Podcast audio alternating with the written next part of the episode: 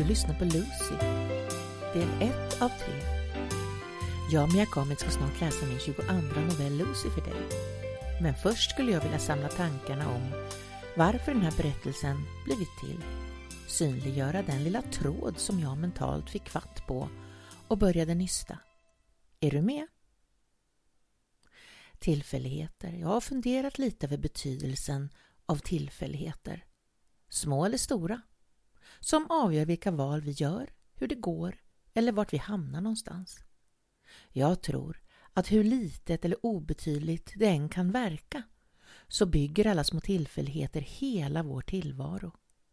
Möjligheter, chanser, slump eller tur. Som hundratals små pusselbitar i en kartong som tillsammans bildar den helhet som jag kallar mitt liv. Alla vet hur irriterande det kan vara om det saknas en bit eller två. Om det fattas en bit i en annars vackert och jämn blå himmel är det den gapande luckan det enda jag ser. Det som felar och skevar drar uppmärksamheten till sig och jag glömmer hur de andra 999 bitarna fint fogas samman. Det behövs att jag lägger något för hålet för att lyckas fokusera på att bilden faktiskt är vacker. Då gömmer jag egentligen större yta än den lilla ensamma pusselbiten. Men det kan min hjärna lättare kompensera för, märkligt nog. Det är en god metafor för hur jag ibland ser på min tillvaro. När jag är trött eller har brist på ork och tålamod har jag svårt att se det som är bra och fungerar. Jag inser att jag behöver träna på mitt eget sätt att förhålla mig till sådana tankar och känslor och hur jag borde se på saker och ting istället. Alla de här tankarna påminner mig om den lilla bärgningsbilen i filmen Cars. Den är sliten, rostig och bucklig av användning, episoder och slitage. Vid ett tillfälle blir bärgaren erbjuden att få en totalrenovering och en helt ny finish. En fin gest och en chans till ny glans och fräschör. Men han avböjer med orden att alla märken och skavanker han bär på är minnen från ett långt och händelserikt liv och han skulle aldrig vilja göra sig av med dem. Jag känner detsamma. Jag har vänner och bekanta som färgar håret och ser så fina ut men jag har aldrig börjat med det. En elev undrade en gång varför jag hade vitt hår vid sidan av öronen. En annan elev var snabbare än jag på att svara och sa Men hon är ju lite gammal. Mm, det är nog så att jag är helt nöjd med det. Fast eh, bara lite gammal. Jag kan tydligt se på bilder hur ung jag var en gång. Slankare, slätare i hyn och utan rynkor. Men var jag nöjd med mig själv när jag såg ut så? Nej, det kan jag inte erinra mig. Jag var snarare sökande efter min identitet och orolig för att inte duga så som jag var. Och jag drog ständigt in magen. Så onödigt att ägna ett helt liv åt att vara missnöjd över något som faktiskt fungerar och är helt naturligt. Varför gör vi då så mot oss själva? För jag vet att jag inte är ensam om självkritik. Jag som känner mig omtyckt av så många. Varför kan jag då inte tycka mer om mig själv och förlika mig med det som jag har fått? Som tur är har jag blivit klokare och mer avspänd med åren. Min man är också till hjälp faktiskt. Jag upplever att hans inre bild av mig inte riktigt stämmer överens med den som jag själv ser i spegeln. Han verkar tycka att jag är fin. Kanske påverkar min personlighet som han tycker om det han ser. Hur som helst ligger skönheten i betraktarens ögon och hans åsikt är väl inte mindre värd än min. Mhm. Så det får duga. Det var faktiskt en kritisk äldre dam som gav mig änden på den här tråden och jag blev varse tankefelet. Jag hade stor avslutningskonsert i kyrkan med 150 dagen till ära finklädda och förväntansfulla barn som tätt axel mot axel stod längst fram på trappavsatsen framför altaret och sjöng. Det var bara en, den unge gossen Persson som i purken min envist knep ihop munnen och hade lagt armarna argt i kors över bröstet. Någonting var ju fel i hans värld denna ljuvliga sommarmorgon och jag vet inte om jag någonsin fick veta vad. Det var ju en sån hektisk dag. Barnen sjöng fint och allt gick så bra. Kyrkportarna öppnades och vi skulle alla bege oss ut i solskenet och det väntande sommarlovet. Säkert var det flera som nickade uppskattande åt mig, sa någonting om hur duktiga alla hade varit och hur fint det hade låtit. Men det har jag svårt att minnas nu. Däremot minns jag den sammanbitna damens ord. Varför sjöng inte den pojken? En av 150 barn hade haft en dålig dag och det hade tydligen hon också. Detta enda negativa blev det som blev kvar i mig. Det positiva svepte flyktigt förbi och försvann ut i sommarlovet. Just det här att låta små tråkigheter överskugga det som är fantastiskt och bra och lura oss att bli irriterade och arga gav mig nästa insikt. Jag behöver i min nuvarande ålder tänka på hur jag bemöter yngre individer än jag själv. Jag tänker ofta på det när jag hör hur barn eller ungdomar blir kritiserade av äldre. Ett barn kanske har ställt till det för sig och får en tillrättavisning av en vuxen. Jag har märkt att den vuxne har förväntningar på den yngre som om han eller hon visste lika mycket och tänkte likadant som den som utdelade tillrättavisningen gör. Hur i hela friden skulle det kunna vara möjligt, tänker jag. Hur utvecklade eller erfarna var vi själva i samma ålder?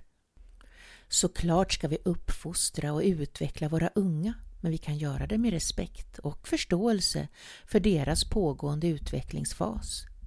Ingen föds med en vuxens alla insikter och förstånd. Sånt mognar och mejslas fram över tid. Hur tänkte du nu? har jag hört vuxna säga med skarp undrande röst. Vad ska barnet i fråga svara på det?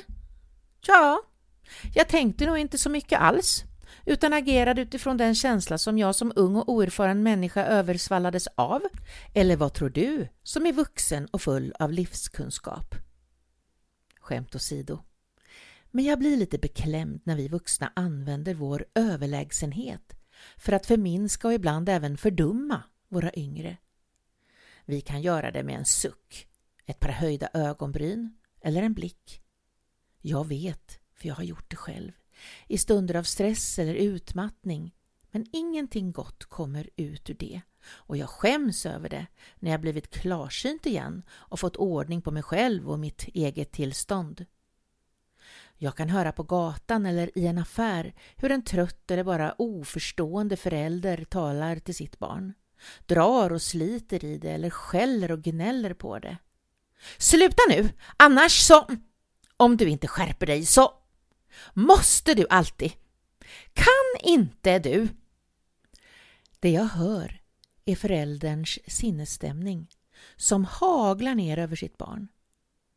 Den egna avkomman som borde vara det käraste i livet.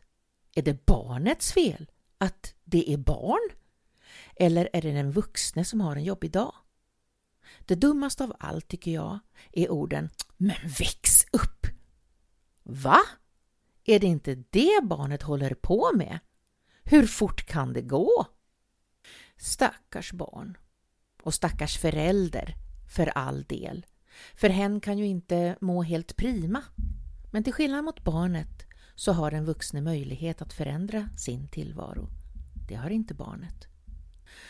Det låter som en hackspett som outtröttligt ger sig på och attackerar en trädstam och vill tvinga fram något gott. Hör!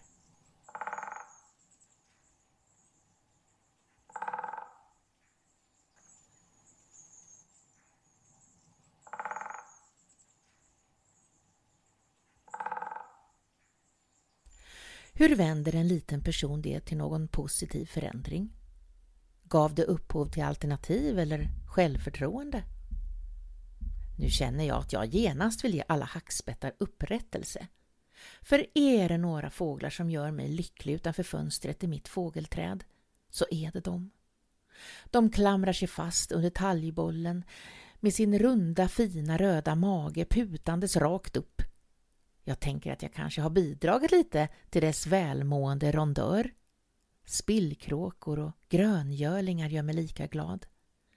Att stå och titta en stund på alla småfåglar som fladdrar runt och fnattar från gren till gren på jakt efter att få snappa åt sig en godbit eller två som kan bidra till att hålla hunger och kyla på avstånd.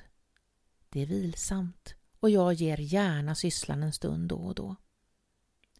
Jag vill inte sänka alla kämpande föräldrar heller och blir lika glad och varm i hjärtat när jag ser kloka och förståndiga föräldrar som jämlikt och respektfullt samtalar med sina barn. De synliggör ett varför och ett hur och skapar förutsättningar för att barnet lyckas navigera rätt och förstå sig på allt som översköljer dem varje dag. Trygghet har slagit en kupol kring barnet och det riktigt syns hur rustat det är för livets olika prövningar. Undrar hur många som riktigt funderar över varför de vill sätta barn till världen. Det är en rättighet, men ingen skyldighet. Det ser fantastiskt ut på bild och i fantasin, men verkligheten bjuder på många överraskningar och utmaningar. Det kan jag själv skriva under på. Inget endaste barn har någonsin trängt sig på. Det har skapats av en medveten handling låtit vänta på sig med lång leveranstid och är i absolut behov av sin skapare. Vad tänkte jag själv när jag skaffade mitt första barn? Mitt andra barn vet jag, men mitt första? Det ska jag fundera mera på eftersom jag nyss uppmanade andra till just detsamma. Hmm. Kanske ett bra tillfälle att stanna upp och lyssna på några strofer ur stycket som jag har tillägnat Lucy. Hoppas du ska tycka om det. you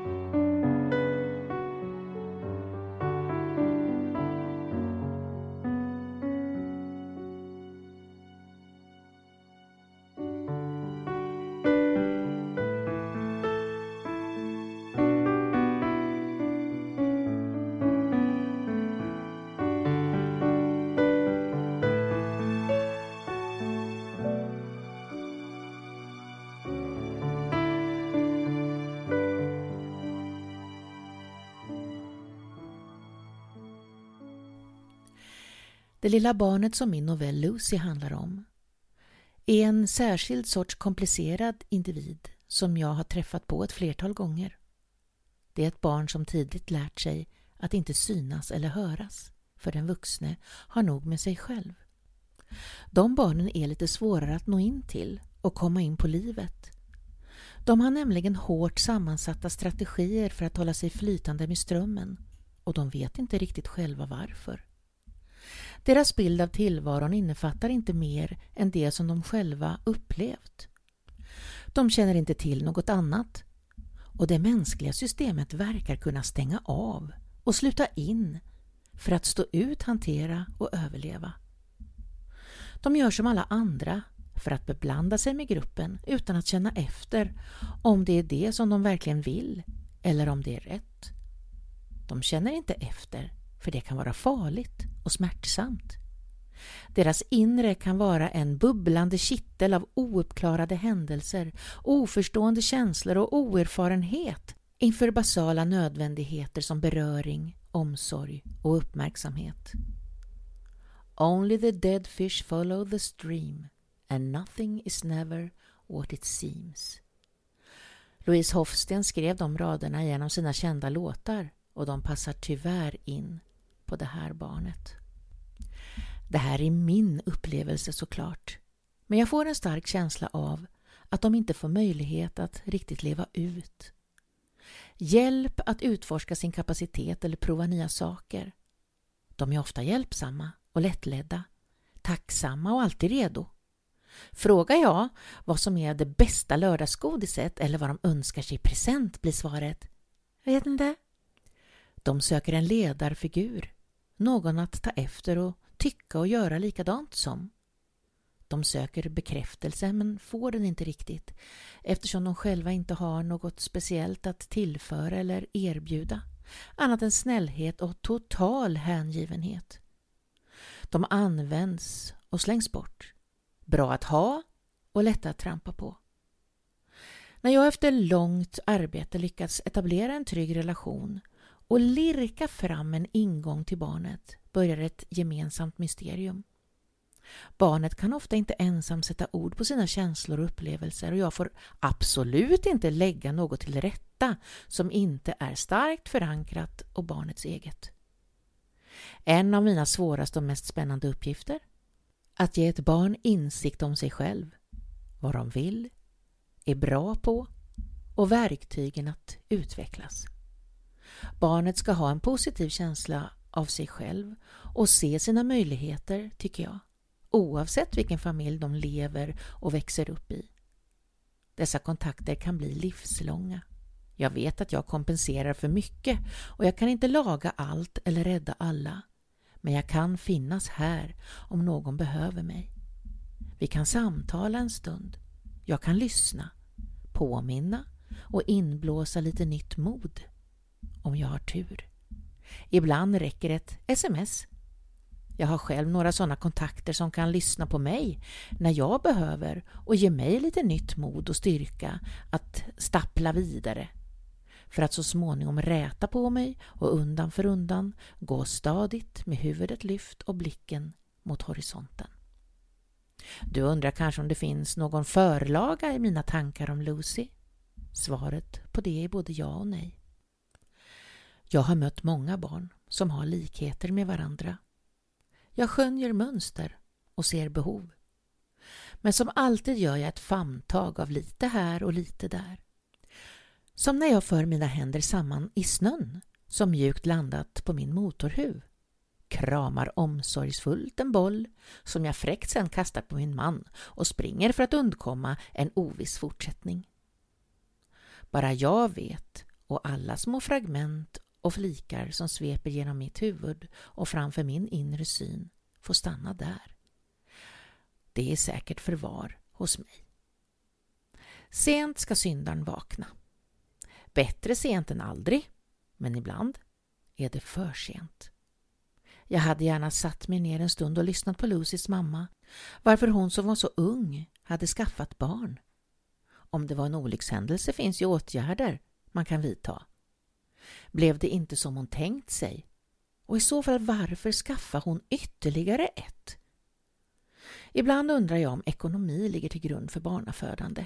En förfärlig och nedvärderande tanke, men det finns ett och annat som ibland gör att misstanke uppstår. Hur som helst är den här mamman ouppmärksam. Hon har nog med sig själv. Lucy har lärt sig att ta sådan liten plats och hennes mamma har inte gett henne mer än minsta möjliga utrymme och till slut så har hon försvunnit helt. Lucy är borta. Inte helt sällan ser jag en förälder dra sin barnvagn framför sig med blicken fäst i sin mobiltelefon. Barnet sitter mol alena och tittar framåt och har ingen kontakt med sin vårdnadshavare. Personen som har vård över barnet. Min man kom hem från ett besök på vårdcentralen en eftermiddag där han fått sitta en stund i väntrummet tillsammans med en liten pojke och hans mamma. Pojken ville visa, ville undra, ville ha sällskap och kontakt. Men hans mamma satt med näsan i sin mobiltelefon och svarade inte. Pojken tystnade såklart och blev håglös och slutade leka. Jag bevittnade en kvinna med barnvagn som dundrade rakt över stadens torg med ett ilsket bråk i sin mobiltelefon. Alla kunde höra alla okvädningsord och hennes totala raseri. Så även hennes barn, som satt tyst, oförstående eller undrande och för tillfället alldeles bortglömt. Det framgick att samtalet handlade om barnets far. Han hade tydligen struntat i att hämta vad skulle en liten tänka? Är detta ett planerat, genomtänkt och önskat barn? Jag vet ingenting om samma barn blir överöst av kärlek senare eller en annan gång. Hens pappa kanske visst hämtade och gladde sig över att vara med sitt barn. Ibland önskar jag att jag tänkt samma tankar eller i liknande banor när jag var mitt uppe i småbarnstiden som jag har möjlighet att tänka nu. Det gjorde jag inte såklart. Jag var inte samma person då. Jag behöver vara lite snäll mot mig själv och förhålla mig till min yngre version av mig själv. Jag gjorde väl mitt bästa. Vad var det jag började med att säga? Visa respekt i mötet med en yngre generation som omöjligt kan ha mina äldre erfarenheter och insikter. Jag behöver förhålla mig, avvakta och se om jag kan få en chans att hjälpa till utan att tränga mig på. En riktigt svår nöt att knäcka. För visst skulle jag vilja rusa fram och rycka mobiltelefonen ur händerna på den här individen och med skarp röst säga Hur tänkte du nu? Tack för att du har lyssnat så här långt. Det är snårigt, känsligt och svårt att ta sig an de tysta barnen. Det är inte tysta för att de är blyga. Det är en annan sorts tillstånd. I nästa avsnitt läser jag min 22 novell Lucy för dig. Hoppas att du ska bli nyfiken och vill fortsätta att lyssna. Ta hand om dig nu så hörs vi snart igen. Hälsningar från mig, Mia Kamitz.